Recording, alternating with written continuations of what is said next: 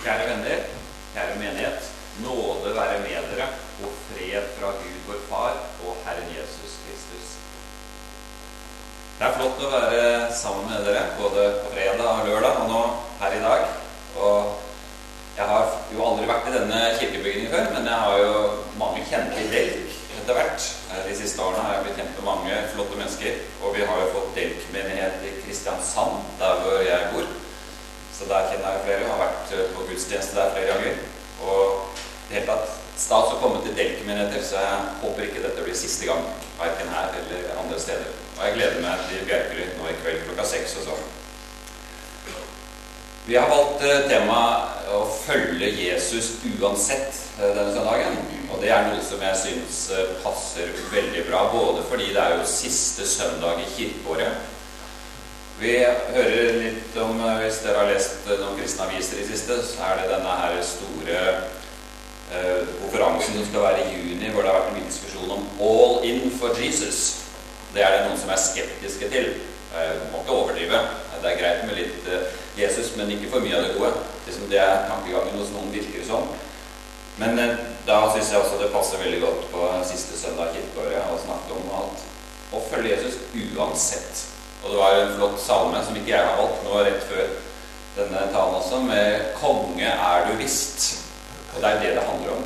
Jesus er kongen. Han er vår autoritet. Vi tilhører et annet rike.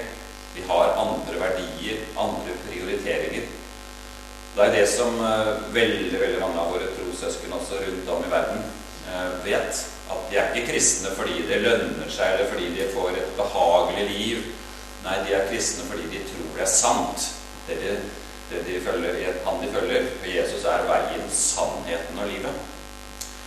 Og nå i denne helgen så har vi jo hatt dette temaet med revolusjon og paradigmeskifte i måten å tenke på i samfunnet, og hvor ting som egentlig burde være selvfølgelig, og det er det jo størsteparten av verden, men i Norge og noen vestlige land så er det nå snudd på hodet, sånn at biologiske ordninger og Guds skaperordninger omdefineres totalt.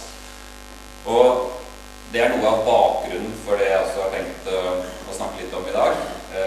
Men først har jeg bare lyst til å gi en kort liten repetisjon, eller ikke repetisjon, men et resymé, rettere sagt, for de av dere som ikke var på fredag eller lørdag.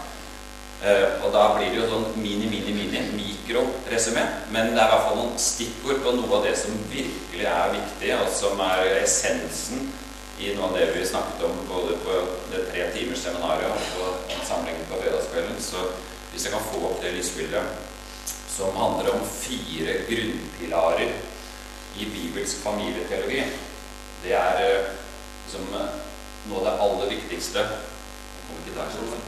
Å ja, kommer der. Flott. hallo, hallo. Der. Og det er eh, fire stikkord som eh, jeg bare har lyst til å nevne for dere som da er nye i forhold til denne helgen, og det som har skjedd disse siste dagene. Det første det er altså at ekteskapet er en skaperordning for mann og kvinne, innstiftet av Gud. Det er ingen menneskelig oppfinnelse eller sosial konstruksjon. Og det er bare helt grunnleggende viktig. Det er nøkkelen for å stå fast på det som er Guds sannheter om samliv, om ekteskap, om barn, om forplantning, foreldreskap osv. Det er å holde fast på at ekteskapet er for én mann og én kvinne. De har alle kirker i alle århundrer ment, og det mener de aller fleste fortsatt. Det er bare noen få kirkesamfunn i verden som har omdefinert ekteskapet. Når du gjør det, så sier du at kjønn er irrelevant, helt likegyldig. Om det er to mammaer eller to pappaer, om du må ha kunstig befruktning, og barn ikke har rett på sin egen mor og far. Alt dette følger med hvis man oppløser ekteskapsdefinisjonen og forståelsen ut fra Bibelen om at det er Guds skaperordning for én mann og én kvinne. En annen viktig sannhet som vi må holde fast på, det er at mor-far-barn-relasjonen er unik og står i en særstilling. Den er vesensforskjellig fra alle andre relasjoner. Nå er det mange som sier at ja, mor-far-barn det er bare sånn en normalvariant. Det finnes jo mange andre varianter av polygami og forskjellige typer samliv som er akkurat like bra. For mangfoldet skal jo blomstre. Vi må holde fast på at det er en helt spesiell samlivsform fordi det er der barn blir født. Det er der barn får lov til å vokse opp med sine egne biologiske foreldre. Så er det selvfølgelig unntak med adopsjon for barn som har mistet sine foreldre, eller nødsituasjoner som må løses på best mulig måte.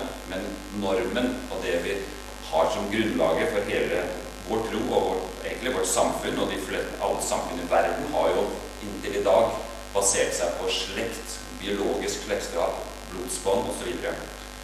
Så er det barneperspektivet. Barn har en gudgitt rett til sin egen mor og far. Ingen har lov til å frata dem denne retten. Verken mor eller far er overflødig. Barn er en gave, ikke en rettighet eller handelsvare. Og der er det også veldig mye å si, så jeg skal ikke utdype det nå. Men dette med barneperspektivet for oss kristne, hvor Jesus løfter opp barnets betydning, og det er barnet som jo har de grunnleggende rettighetene som voksne må rette seg etter. Det skal ikke være motsatt, at det voksenperspektivet er det som hele tiden overkjører barneperspektivet. Og så er det to kjønn. Det finnes kun to biologiske kjønn, for det finnes bare to typer kjønnsceller. Mannlige og kvinnelige. Forplantning på andre måter eksisterer ikke. Det finnes mange subjektive kjønnsidentiteter basert på følelser, men disse er ikke nye kjønn. Og Her er det full forvirring langt ned i barnehagen nå, og der må vi som kristne virkelig bare holde fast på at det finnes kun to kjønn, og så må vi jobbe alt vi kan for å utvide rommet for hva det er å være gutt, og hva det er å være jente. Det er masse flotte jenter som liker å mekke på motorsykler og hoppe i fallskjerm og hva som helst. Men de er like mye jenter av den grunn. Eller gutter som liker å være på aktiviteter som jenter kanskje først og fremst er opptatt av. De er ikke dermed født i feil kropp. Så det er fullstendig både biologisk løgn, og det er en helt uh, biologisk usannhet som Gud står bak ved å og skape oss som mann og kvinne, og alle kvinner har XX-kromosomer i hver eneste celle av alle de milliarder celler vi har i kroppen, og menn har XY-kromosomer. Og sånn er det bare. Og hvis det er noen unntak, så er det diagnoser og medisinske problemer, men det er ikke noen nye kjønn. Så disse tingene er liksom essensen av det vi snakket om eh, i dette seminaret i går, og som eh, jeg holder timer og seminarer ofte med både fem og seks timer undervisning, så dere skjønner at dette er sånn mikro-mikro, men dere har fått med dere i hvert fall noen hovedpunkter. Også bibelsk så syns jeg dette verset som eh, vi i Mor, barn bruker mye, og som jeg syns også sammenfatter på en veldig flott måte hvordan vi skal forholde oss nå i tiden framover, det er fra 1. Korinterbrev 16. Vær våkne, stå fast i troen, vær modige og sterke. La alt dere gjør, skje i kjærlighet. Det er noen vers som jeg vil anbefale dere å merke dere helt på slutten av første korinterbrev. Eh, og meditere over, snakke om og virkelig be over at vi og Gud vil hjelpe oss, sånn som teksten vi leste også fra Matteusevangeliet, eller en venn her, en bror, leste om de jomfruene som ventet på brudgommen. Eh, de måtte være våkne for å komme inn på den bryllupsfesten. Hvis de sovnet, så var det tragisk. Stå fast i troen. Vi må holde fast på det vi vet er sant, og som er Guds sannhet. Og dette med å være modige og sterke og tørre å gå ut av komfortsonen, gjøre ting i lydighet, i tro, og følge Jesus uansett. Da er vi over på temaet som uh, dere finner også beskrevet i stikkordsform på det lille grønne arket som dere har fått. Så vi skal ikke lese direkte fra det akkurat nå, men først så leser vi teksten som denne, arket er bygget på. Og det er kommet opp på veggen eller på skjermen nå. Fra Hebreerbrevet 12, 1-3. Derfor, når vi har så stor en sky av vitner omkring oss, så la oss legge av alt som tynger, og synden som så lett fanger oss inn, og med utholdenhet fullføre det løpet som ligger foran oss med blikket festet på ham som er troens opphavsmann og fullender, Jesus. For å få den gleden han hadde i vente, holdt han ut på korset uten å bry seg om skammen. Og nå har han satt seg på høyre side av Guds trone. Ja, tenk på ham som holdt ut en slik motstand fra syndere, så dere ikke blir trette og motløse. Denne teksten den er jo en fortsettelse av det som står i kapittel 11 i Hebrevbrevet. Og der er det om trosheltene. Og mange av våre idealer og forbilder fra Det gamle testamentet. Og så står det der mot slutten av det kapittelet også om de som ikke var verken konger eller profeter eller andre ting, men som var vanlige kristne, og som måtte lide for sin tro, som ble drept, som var martyrer. Og det er det som faktisk dette ordet, når vi har en så stor sky av vitner Ordet 'vitne' det, det er martyr, eller martys, på gresk. Og Det betydde bare å være et vitne, men så fikk det etter hvert betydningen i kristen kirke, blodvitner, fordi det var mennesker som hadde betalt med sitt eget liv fordi de var vitner om Jesus. Og det er jo noe av det som bare står nå skrevet hvis vi følger med på det lille grønne arket. Martyrer, blodvitner, som jo av de som vi leser om i Bibelen, er til inspirasjon, men også eh, i vår egen tid og opp gjennom kirkehistorien så er det jo utrolig mange flotte, dedikerte kristne som har fulgt Jesus uansett, og som er forbilder for oss og i vår egen tid. Det har jo faktisk aldri vært så mye forfølgelse, så mange som blir forfulgt for Jesus skyld, som det siste århundret.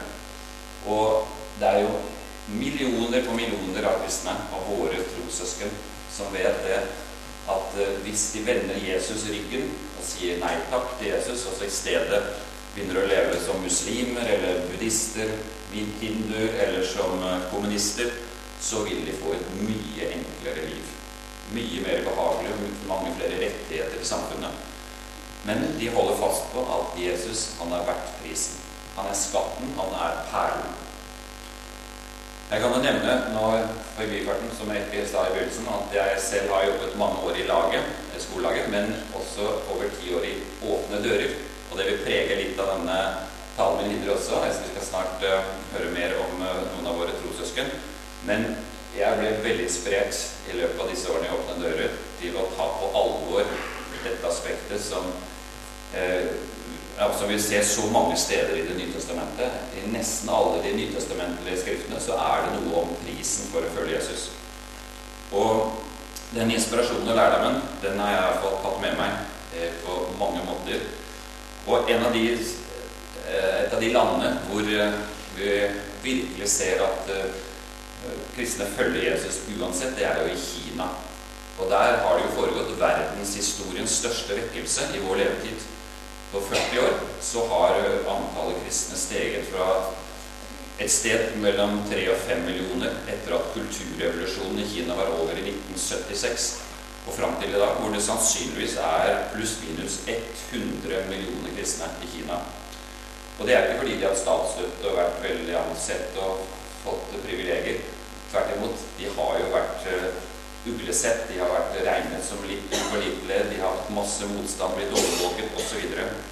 Men mange av disse som er årsak til at det har skjedd så mye i Kina, det er sånne folk som søster Shang, som Dette er en person som særlig på 80-90-tallet var veldig aktiv. Jeg er ikke sikker på om hun lever fortsatt, men hun er en representant for tusenvis av bibelkvinner, også mannlige evangelister og predikanter, som har reist rundt, delt troen som har inspirert folk til å bli kristne og til å dele troen sin med naboer og venner, som har startet vennegrupper rundt omkring. Og hun søster Zhang hun vandret i mange år rundt om i masse byer og landsbyer i Kina og gjorde det hun var blitt kalt til, nemlig å dele sin tro, dele evangeliet med folk hun traff. Hun hadde ikke noe fast bosted. Hun gikk rundt med en sekk og bodde hos kristne rundt omkring og fikk litt penger av og til for, til understøttelse. Og En dag så kom hun til en liten by hvor det var en politistasjon. Hun stilte opp var midt på torvet der, så hun stilte opp på trappa foran politistasjonen, åpnet nye som hun hadde med seg der, og så begynte hun å lese litt og si noen ord om det. Og så plutselig ja, det samlet seg noen mennesker, hørte på. Men så kom det ut en betjent fra politistasjonen og spurte hva er det du holder på med. Nei, jeg bare deler de gode nyhetene om Jesus Kristus. Ha, du vet det er ikke lov å forkynne på offentlig plass i Kina. Kom igjen, da ble inn, og så ble hun arrestert og satt i fengsel et halvt år. Et stort kvinnefengsel i nærheten av Beijing med 6000 fanger, kvinnelige fanger. Alt er stort i Kina med 1,3 milliarder mennesker. Og der eh, satte hun seg til å sture. Nei, hun eh, fortsatte med det hun var kalt til. Det hun eh, hadde mye erfaring med, nemlig å dele evangeliet. Så hun begynte å snakke med, be med til frelse mange medfanger. Og etter ca. et halvt år så var det nærmere 800 åtte hundre medfanger som hadde tatt imot Jesus i de avdelingene hun hadde tilgang til. Og det preget etter hvert også miljøet og disse avdelingene i fengselet. Og noen dager før hun skulle settes fri, så fikk hun beskjed om at hun skulle møte på direktøren, eh, fengselsdirektørens kontor, som ble geleidet dit. Og så sa han til henne at du, Jean, vi har fulgt med litt på det du har gjort. Vi har ikke likt det, men vi har sett at konsekvensene har jo vært ganske positive. Og at miljøet er blitt mye mer harmonisk her på, i fengselet. Og vi kunne ha lyst til å utfordre deg til å være sosialarbeider et års tid for å se om du kunne gjøre, fortsette med denne jobben du gjør, men uten å ha det veldig kristne med hele tiden. Og så tenkte hun Jean, er det noe fra Herren? Er det noe jeg skal si ja til, eller nei til? Så mens de pratet et minutt eller to til og skulle til å avslutte samtalen, så skulle, jeg, jeg spurte han til henne ja, svarer du ja eller nei på tilbudet mitt. Og da hadde Jean sendt noen lynbønder til Herren og fått klarhet i hva han ville svare. Da sa han jeg takker deg veldig for tilbudet og tilliten, men jeg må dessverre si nei takk. Du skjønner det, jeg tjener bare Jesus Kristus. Det er han som er min arbeidsgiver. Og det skjønte jo ikke han så mye av, fengselsdirektøren, men ok det får være. da. Så hun ble sluppet fri, og så møtte hun mange siden som hadde hørt historien hennes. Og de syntes mange undret seg var ikke det veldig uviselig, var ikke det dumt av deg? Tenk på at dere kunne gjort videre i fengselet. Men da smilte søster Jean som regel og så kom han ja, men du må jo huske det at nå har jo Gud 800 andre i det fengselet man gjør den jobben. Jeg, har, eh, jeg må være lydig mot det kallet Jesus har gitt meg. Og dette er den type mennesker som eh, jeg tror er store i Guds rike, som gjerne kunne vært med i eh, kapittel 11 i Hebreerbrevet, eh, og som er forbilder for mange av oss, tror jeg også. Vi er så opptatt av hva folk tenker om oss. Menneskefrykten dominerer i veldig mange kristne i den vestlige verden. Og vi er så redd for å dumme oss ut for at folk kan tenke rart om oss osv. Men det å satse på Jesus og vite at å dumme seg ut for Jesus, det er det lureste vi kan gjøre når det er i kjærlighet, når det er med visdom. Men vi gjør det fordi vi går i tro. Neste punktet på arket det er å legge av alt som tynger, og synden som så lett fanger oss inn. Og Det er jo et veldig godt uttrykk, dette 'legge av alt som tynger'. Og det er jo ikke bare å legge av og se nå legge av. Det er jo også en, eh, et resultat og greie av relasjonen vi har med Jesus, tilliten vi har, det å vite at han har jo oversikten og kontrollen. Vi skal slippe å være de som skal bære både våre egne byrder og verdens byrder på våre skuldre. Vi skal få kaste all vår bekymring på ham, som første Peters brev sier. Og det å få, få fram det som både bekymrer oss og som plager oss, det som fanger oss inn av synd, som er som spindelvev vi unnskylder det kanskje. Det er ikke noen stor synd sånn, men det er litt sånn på kanten. Men vi bare unnskylder det, rasjonaliserer. Det å få det fram i lyset, leve et liv i lyset, og ikke minst også få en sjelesørger så vi kan bekjenne det for, eller er en god venn med taushetsplikt. Og at vi har noen vi kan øse ut av det som er virkelig vårt innerste. Og vite det at det er frigjørende når vi kan dele med andre, når vi kan få sin synstilgivelse. Når vi virkelig ber om, selv, om forbønn, og selv også kanskje hjelper andre med det samme.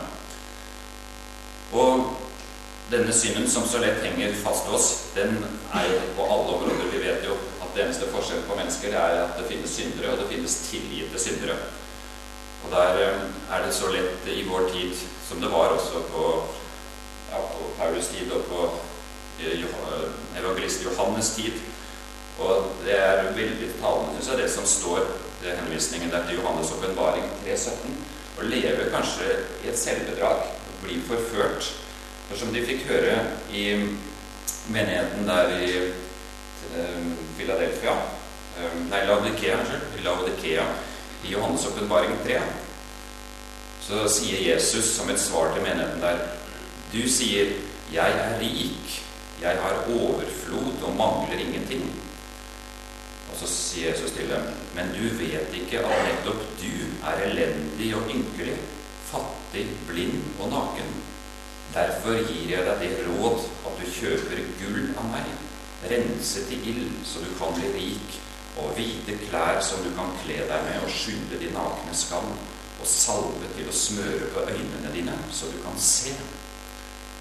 Og så følger det to vers etterpå det veldig kjente Jeg står for døren og banker, og noen hører min røst.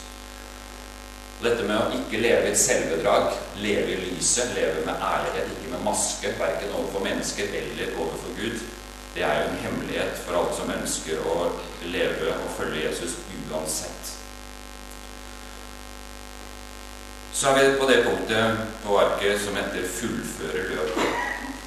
Og det har jo med det at vi er i et løp, eller i et tog, pilegrimstog, syns jeg er et veldig flott bilde på det også, hva det kristne livet er. For det å følge Jesus, det er jo ikke å sitte i en stol eller være på en plass hvor vi bare som pusler rundt. Nei, det er å være på et, et løp som har et mål, eller jeg liker veldig godt da, et, et pilegrimstog sammen med alle kristne på vei hjemover. Og hvor Gud har en oppgave til hver enkelt av oss. Han har en hensikt med livet vårt, hvor vi kan få vandre med Jesus som vår gode hyrde. Og dette løpet det har jo en ende. Vi skal fullføre det. Det er ikke noe som skal vare ja, det skal vare livet ut, kort og godt. Og vi er på vei hjem til det nye Jerusalem, til det landet vi egentlig hører til.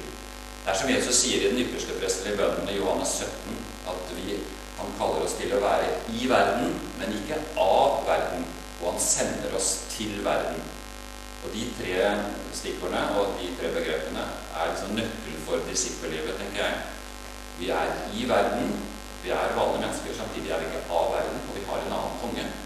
Og så er vi sendt av Jesus til verden for å bety en forskjell, for å være lys og salt, for å bidra til å spre evangeliet og de gode nyhetene om Jesus, om frelsen, om dem alle mennesker skal få del i hvis de svarer ja takk. Og denne vandringen den er jo opp på høyder med flott utsikt i sol, og der ned i daler. Det er med storm og regn. Det er med så mange forskjellige variasjoner. Men hele tiden denne tryggheten hvor Jesus er vår gode hyrde. Og som det står i 2. Timotees 4,7, som jeg syns er et flott livsmotto også, det vi må ha som ideal når vi en gang skal vandre herfra. Jeg har stridd den gode strid, fullført løpet og bevart Der er det så viktig, tenker jeg, både å delta i denne vandringen og det å fullføre løpet. Det er jo at Poenget er ikke at vi skal ta oss sammen. Hver dag skal vi nå bare bruke viljen vår og ta oss sammen. Nei, det er et spørsmål om å være sammen med Jesus. I denne relasjonen som eh, er livsviktig for enhver kristen. Ikke å følge altså Vi skal gjerne følge regler og ritualer og alt mulig, men det er ikke det som er det livgivende. Det er bare hjelpemidler for å ha en relasjon til Jesus. Det er en veldig god definisjon på den kristne tro, i motsetning til alle andre religioner, at det er ikke en religion, egentlig, men kristentroen er en relasjon. Og det må vi bare holde sånn fast på, og i vår tid også, hvor det er så mange fristelser og tidstyver og mye motstand, så er det det viktigste. Det er relasjonen med Jesus Kristus. Det vet jo veldig mange av våre forfulgte trossøsken også at det som betyr noe, det er relasjonen de har til Jesus Kristus. Og det betyr mye mer enn hva staten sier, og hva politiet sier, om de sitter i fengsel eller blir forfulgt. Så vet jeg at den relasjonen med Jesus, den er der uansett. Da har jeg lyst til at vi skal se en uh, liten film, filmsnutt, en sangvideo om akkurat dette. Og det er uh, et uh, jentekor i Kristiansand frikirke som sang inn den sangen for noen år siden da Åpne dører fylte 30 år her i Norge, og som ble skrevet av han Tore Thomassen, den teksten, og melodien er organisten i Kristiansand-frikirke, Jon Kleveland. Men iallfall, da skal vi se den filmen, og da regner vi at du skal få den greit opp med lyd og alt. Hvis det ikke kan slå av litt lys, kanskje det var en liten fordel med tanke på å se klarere. Så 'En bror langt borte' heter denne sangvideoen.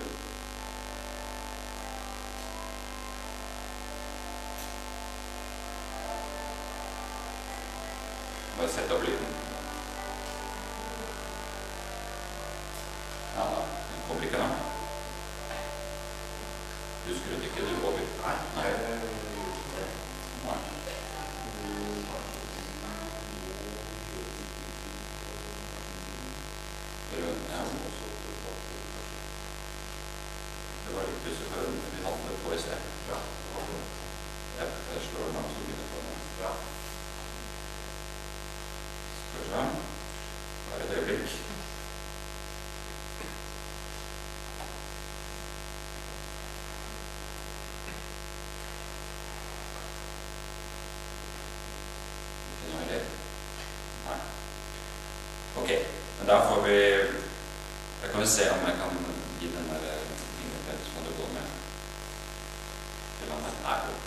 Vi kanskje må droppe den. Jeg kan se om vi kan få den til eh, i en annen sammenheng. Kanskje jeg kan vise den i kveld. Det er en veldig flott film.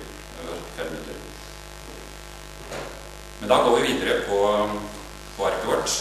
Eh, Og da er det dette uttrykket som er eh, veldig både kjært og kjent, og som er utrolig flott, dette med blikket festet på ham. Den viktigste del av eh, denne vandringen med Jesus og kristne livet, og som også veldig mange av våre eh, forgjengere som eh, disipler har fulgt, det er jo det å feste blikket på Jesus og vite at det er jo denne øyekontakten med Jesus, det er dette å følge ham så nær at vi til og med kan ha blikkontakt, øyekontakt. Og som jeg pleier å si også, som jeg syns er veldig flott uttrykk, dette her med at vi er kalt til å vandre med Jesus så nær at vi hører ham også når han hvisker til oss.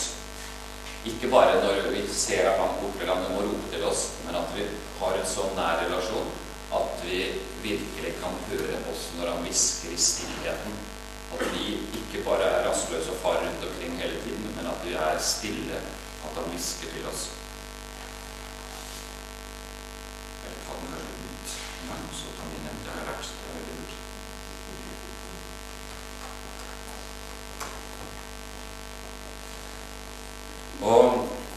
dette med blikket festet på Jesus, der har du jo utrolig mye å si også å bruke de kraftkildene og de redskapene som Gud har gitt oss.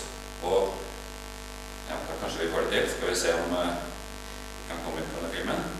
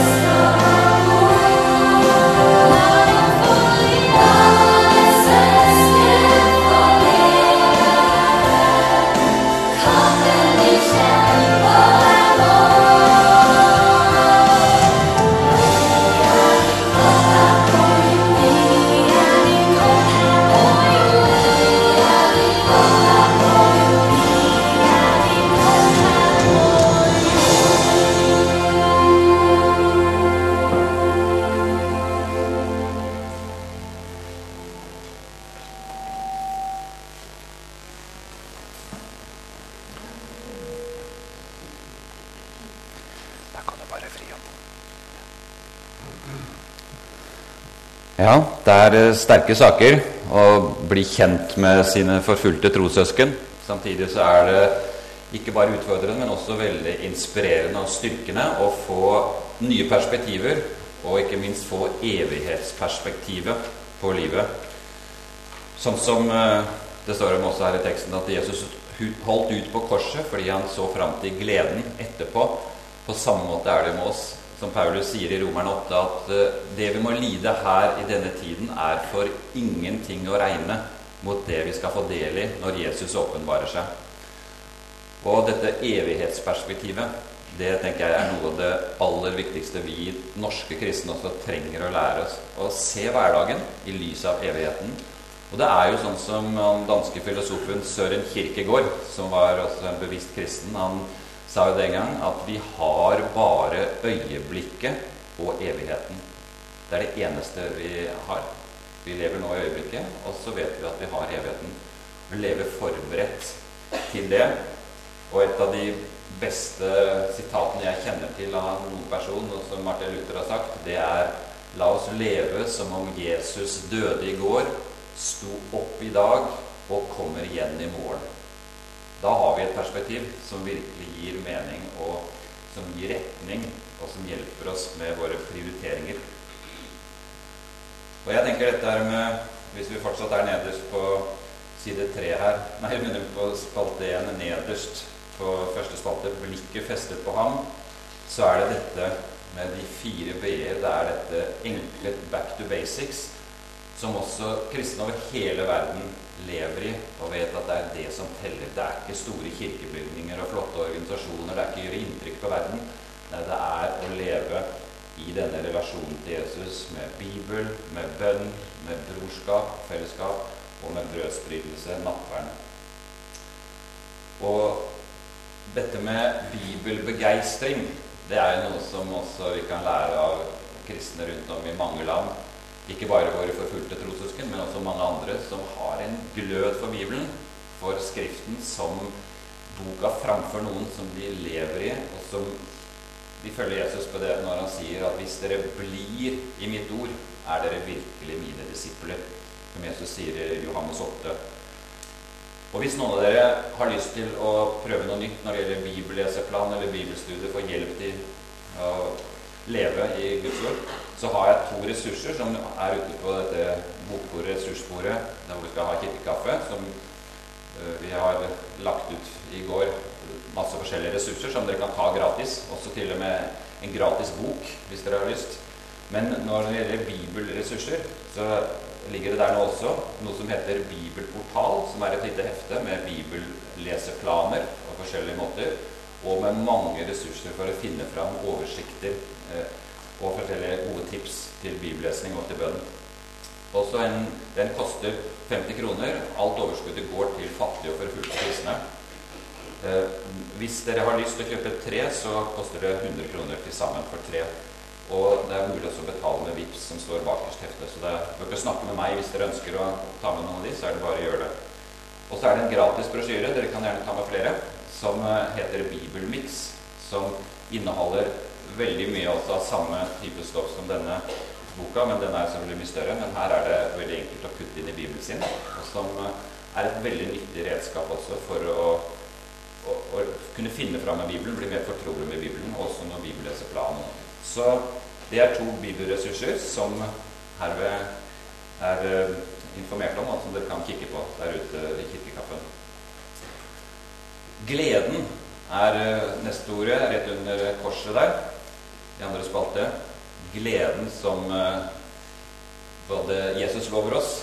Dette har jeg sagt dere for at dere skal eie min glede, sier Jesus ved et par anledninger i Johansevangeliet.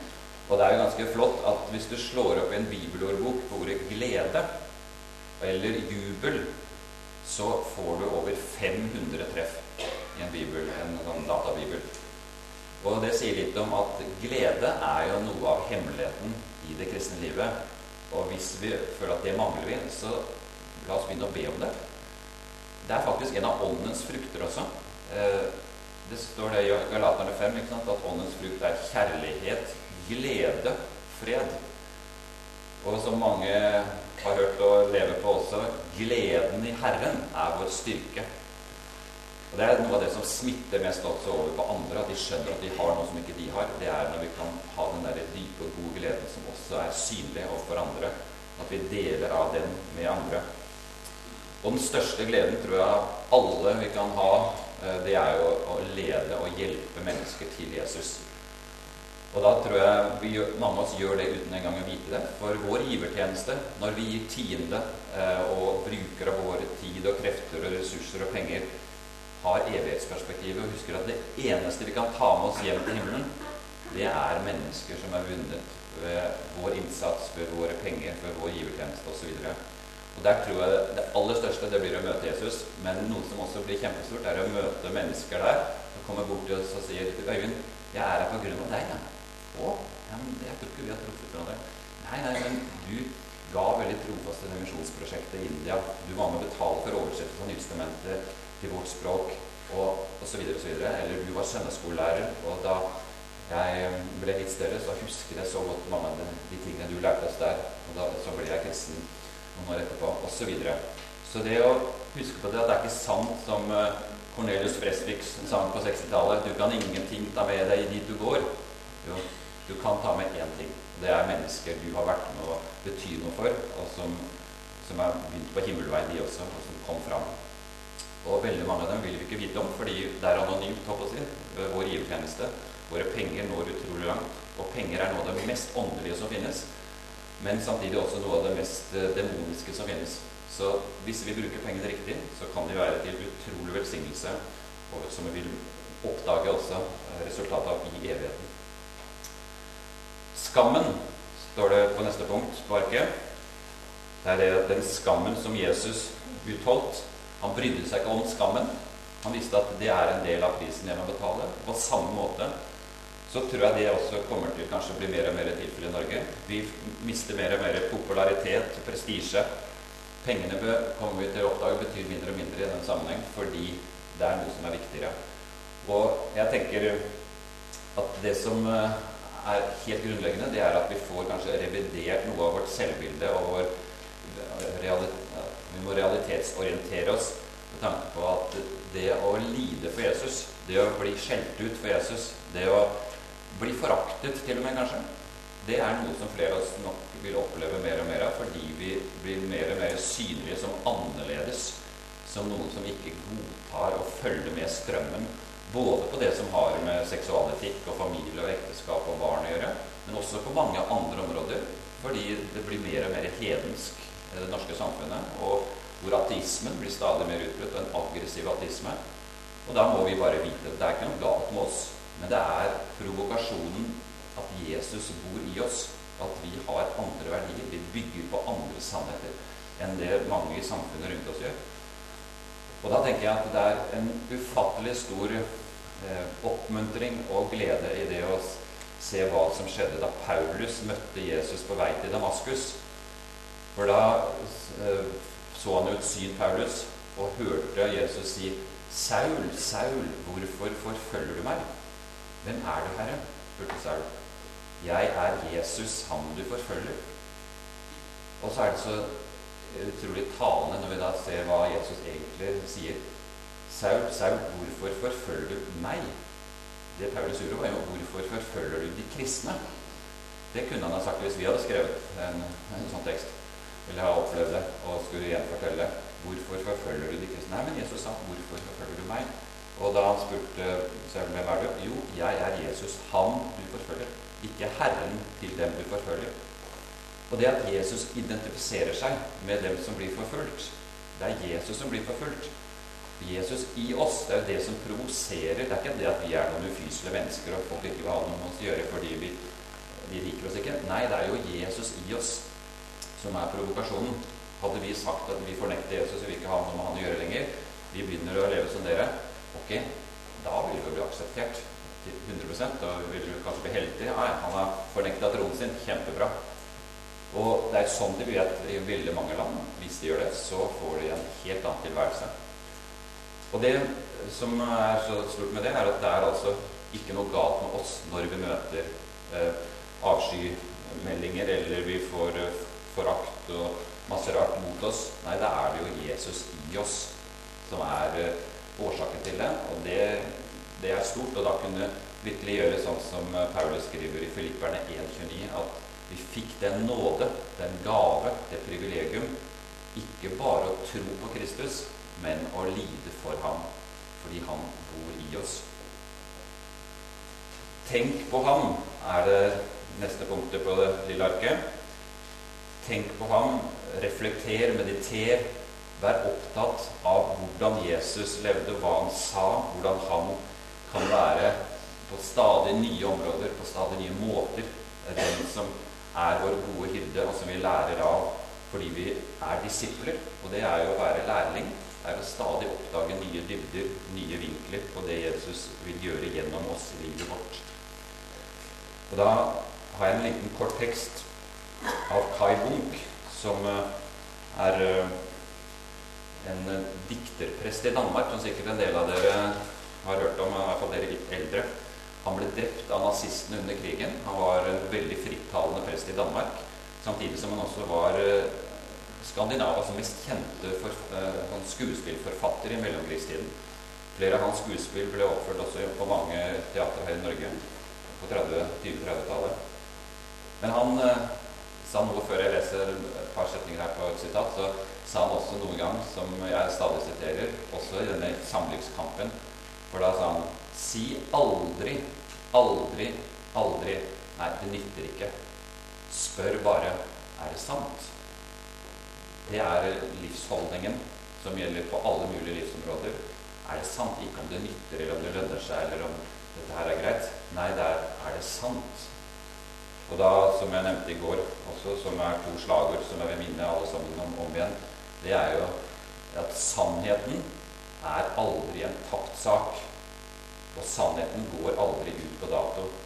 Den er tidløs. Sannheten er Jesus Kristus selv og Guds ord. Og er, det er tidløst. Det er ikke noe som går ut på dato. Men han Kai Munch sier da i en sammenheng at for meg er Jesus sentrum i mitt liv og i verdens liv. Alltid og i alle situasjoner vender jeg tilbake til ham. I ærefrykt og hengivenhet, med kritikk og atter med ærefrykt og hengivenhet. Aldri med avvisning, alltid med Simon Peters spørsmål i tankene. Hvor skulle vi gå hen om ikke til deg? Vil de håne meg for Jesus skyld, så utbryter jeg likevel som den romerske offiseren med korset. Sannelig, denne mannen var Guds sønn. Sokrates, Cæsar, Michelangelo, min mor, min venn, min kone. Ingen, ingen spiller den rolle for meg som Jesus gjør. Motløs er det siste stikkordet på arket. Hvis vi konsentrerer oss, fokuserer på Jesus og sier denne teksten fra Hebrevbrevet. At når vi gjør det og lærer av Jesus som holdt ut en slik motstand fra syndere, så behøver ikke vi heller å bli trette og motløse. Og Det er lett å bli motløs, det er lett å bli bekymret, det er lett å bli urot. Og det er ikke noe vi kan unngå. Um, av og til og ofte kanskje bli det, men vi må ikke leve i det. Vi må ikke nære opp under det og tro at det er veldig åndelig. Nei, vi må kaste alle bekymringer på ham. og vite det at det er så sant det som Paulus skriver i 2. Timoteus 1,7, som det står henvist der arket, nemlig at vi fikk, eller Gud ga oss ikke en ånd som gjør motløs. Vi fikk ånden som gir kraft, kjærlighet og visdom. Det er virkelig tre stikkord som det er verdt å leve i og stadig be om å få mer av. Kraft, kjærlighet og visdom. Og en av de kraftkildene det er jo bl.a. nattvern. Og det er flott i mange kirker det er jo tilfellet her også. En sånn slags halvsirkel.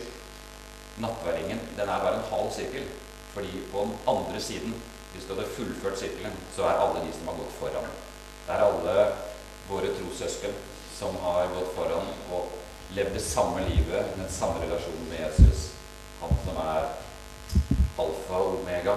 Han som er begynnelsen av enden. Han som er den gode hyrde. Han som er livets ord, og som har livets ord. Han som er alt for alle og har alt for dem som ønsker å følge ham.